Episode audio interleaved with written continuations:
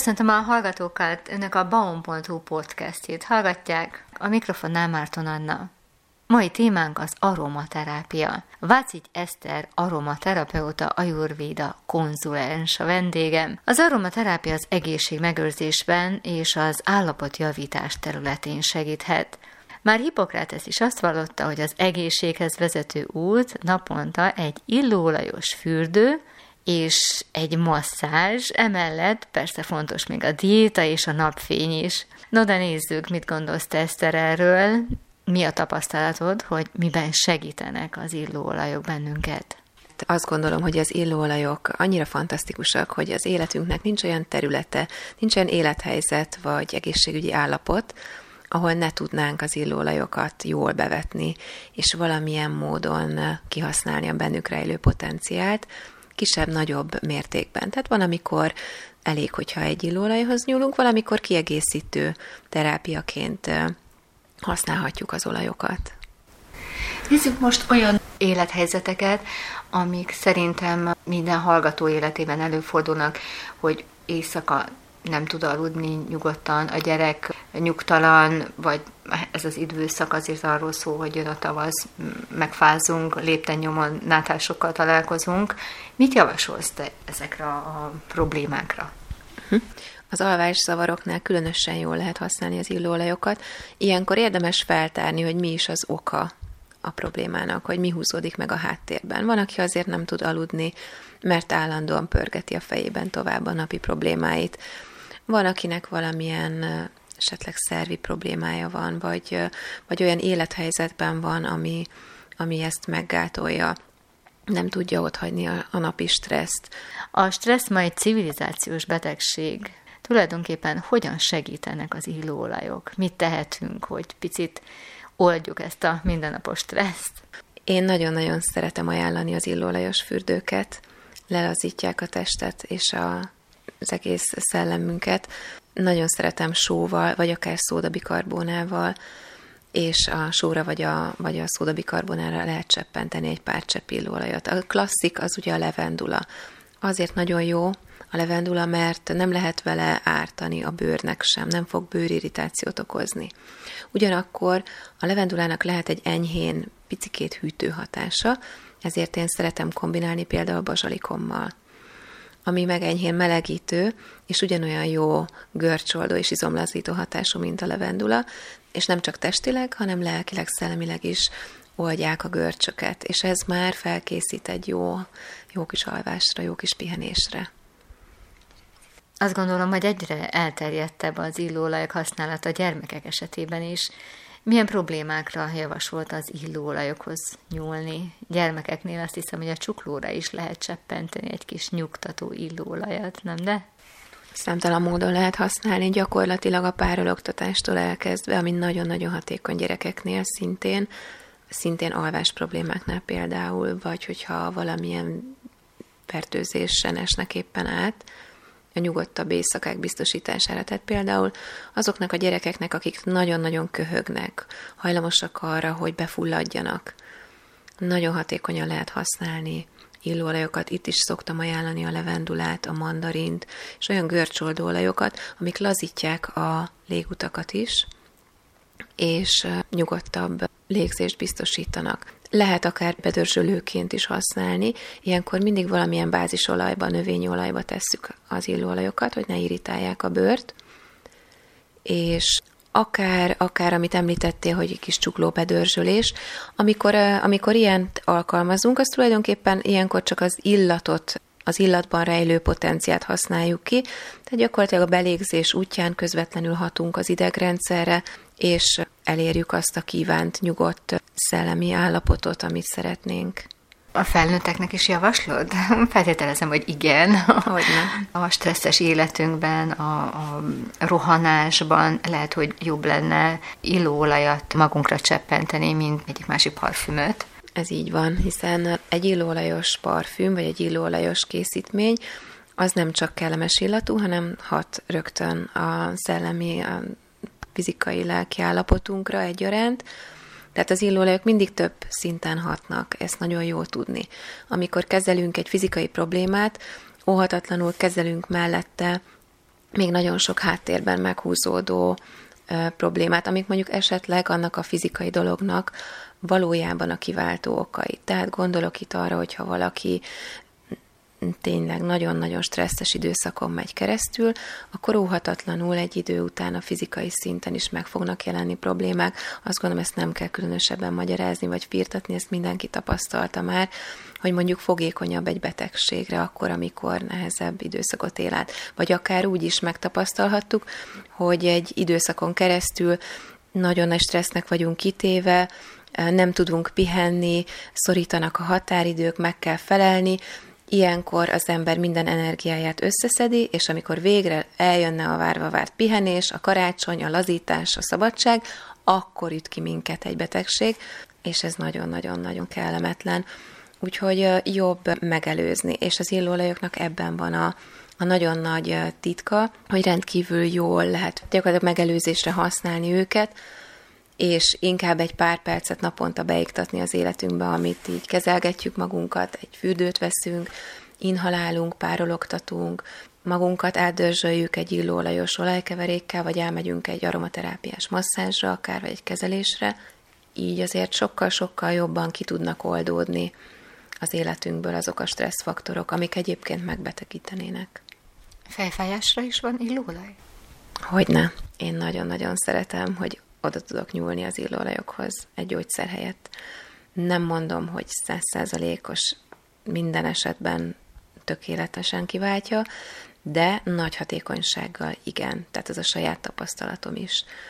És itt is az egyik kedvencem a levendula, és tényleg a levenduláról órákig tudnék mesélni, annyira szeretem és annyira sokoldalú, de ugyanúgy más görcsoldó illóolajok. Sokan ismerhetik egyébként a, a tömjént is, akár az egyházi ceremóniákról, ahol ugye füstölőként használják. Nem véletlenül, hiszen nagyon jó fertőtlenítő hatású. Én fejfájás esetén is használom a tömjént. Számomra egy nagyon-nagyon megnyugtató és hatékony megoldás a fejfájás esetén. Vannak keverékek is, amiket be lehet vetni, érdemes akár kísérletezni, hogy ilyenkor mi esik jól, ami, ami biztosan működni fog, szerintem az, az a levendula. Egy másik olyan terület, ahol nagyon kiválóan lehet használni az illóolajokat, amit már említettem egy picit korábban, az inhalálás. Amikor hurutosan köhögünk, és nagyon nehezen szakad fel a váladék, és egy kicsit rá kell segíteni, ilyenkor a házi orvosok is előszeretettel ajánlják, hogy inhaláljunk. Én ehhez hozzá szoktam még ajánlani az illóolajokat.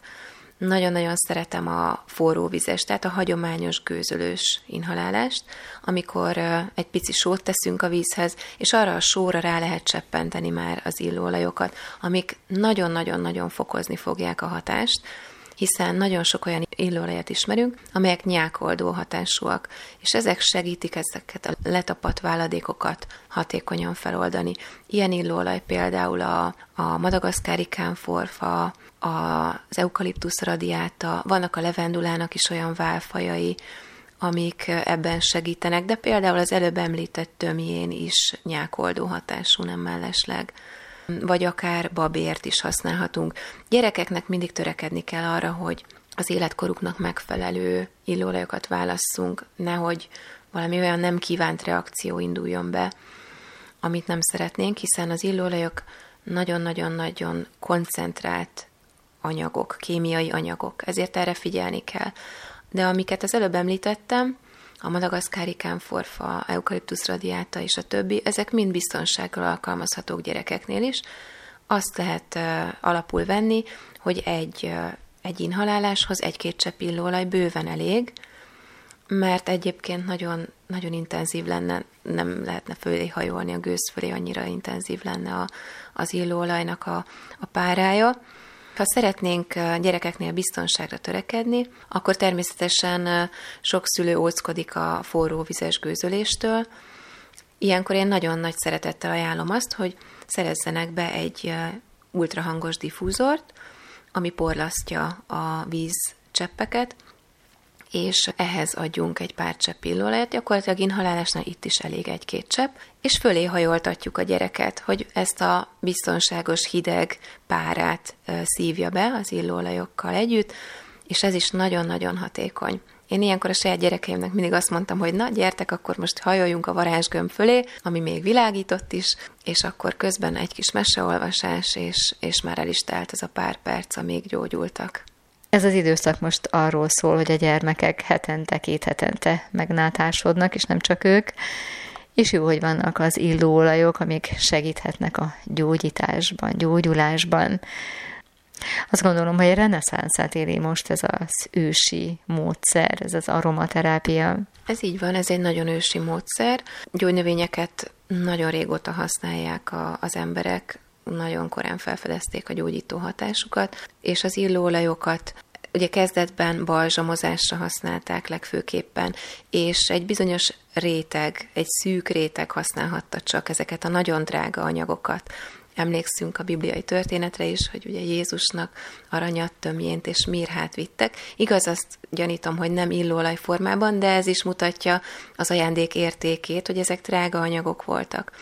Ma már az a szerencsé, hogy nagyon könnyen és viszonylag olcsón hozzáférhetőek ezek a gyógyhatású anyagok, a gyógynövények, az illóolajok is. Azért azt kell mondjam, hogy egy jó minőségi illóolaj nem pár száz forintos kategória. Tehát ha ilyennel találkozunk, akkor kezdjünk el gyanakodni, de még csak nem is egy-két ezer, hanem sok esetben inkább négy-öt-hat ezer forint egy, egy üveg illóolaj, ami már értéket és minőséget képvisel.